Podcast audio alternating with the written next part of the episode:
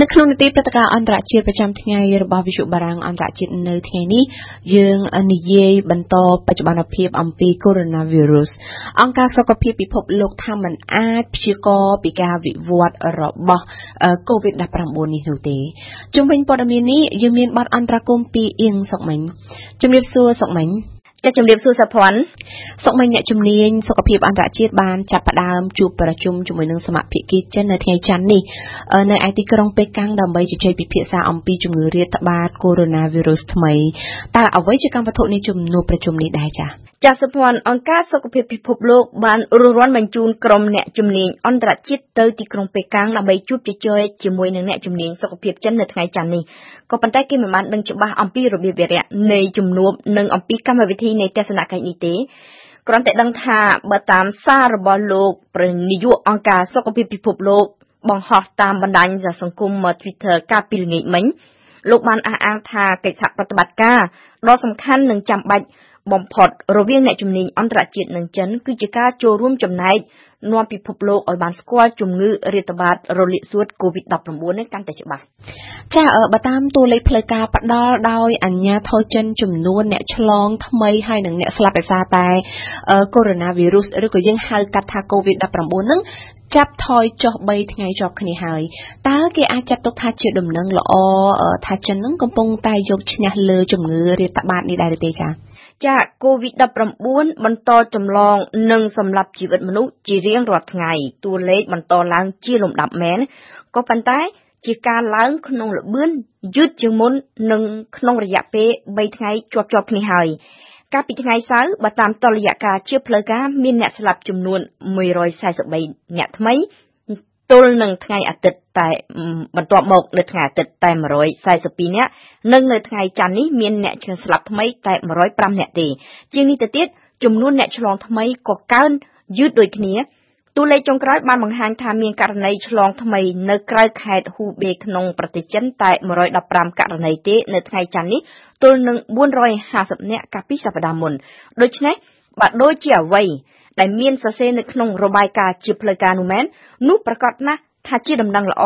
ដោយឡែកក្រសួងសុខាភិបាលចិនបានសម្ដែងការកោតសរសើរសរសើរខ្លួនឯងរីករាយរួចជាស្រេចទៅហើយនៅព្រឹកមិញថាចិនកំពុងតែចាប់ផ្ដើមយកឈ្នះលើមេរោគ វិធានការត្រួតពិនិត្យនិងការពាររោគរាតត្បាតកំពុងតែចាប់ផ្ដើមមានប្រសិទ្ធភាពនៅតាមខេត្តក្រុងខ្លះរបស់ប្រទេសហើយនេះគឺជាការអះអាងរបស់អ្នកនាំពាក្យក្រសួងសុខាភិបាលចិន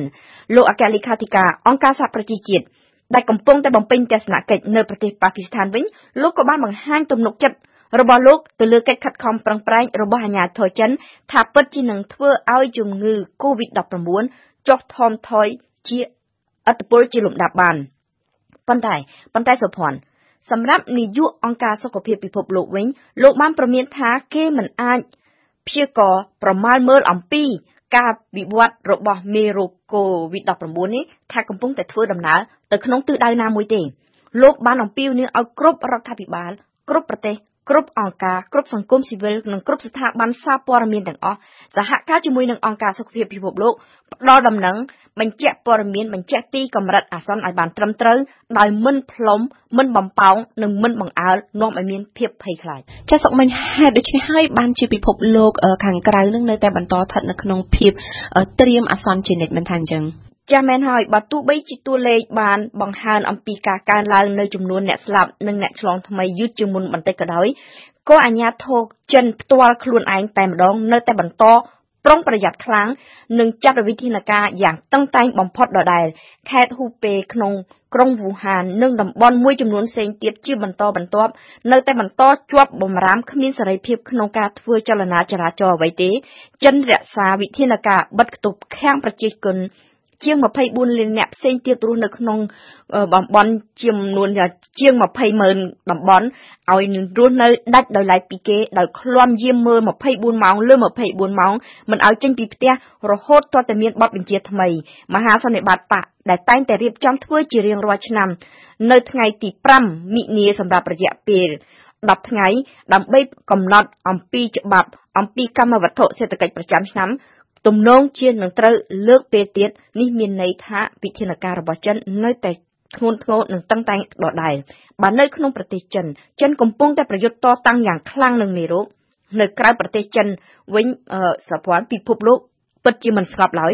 គ្រប់គ្នាកំពុងស្ថិតក្នុងស្ថានភាពត្រៀមអាសន្នជានិច្ចដែរការព្រួយបារម្ភខ្លាចមេរោគ COVID-19 បន្តរីករាលដាលនៅក្រៅប្រទេសចិននៅតែធំធេងដដែលពីព្រោះ ចំនួនអ្នកឆ្លងថ្មីនៅក្រៅប្រទេសចិនសុភ័ណ្ឌកើនឡើងជាលំដាប់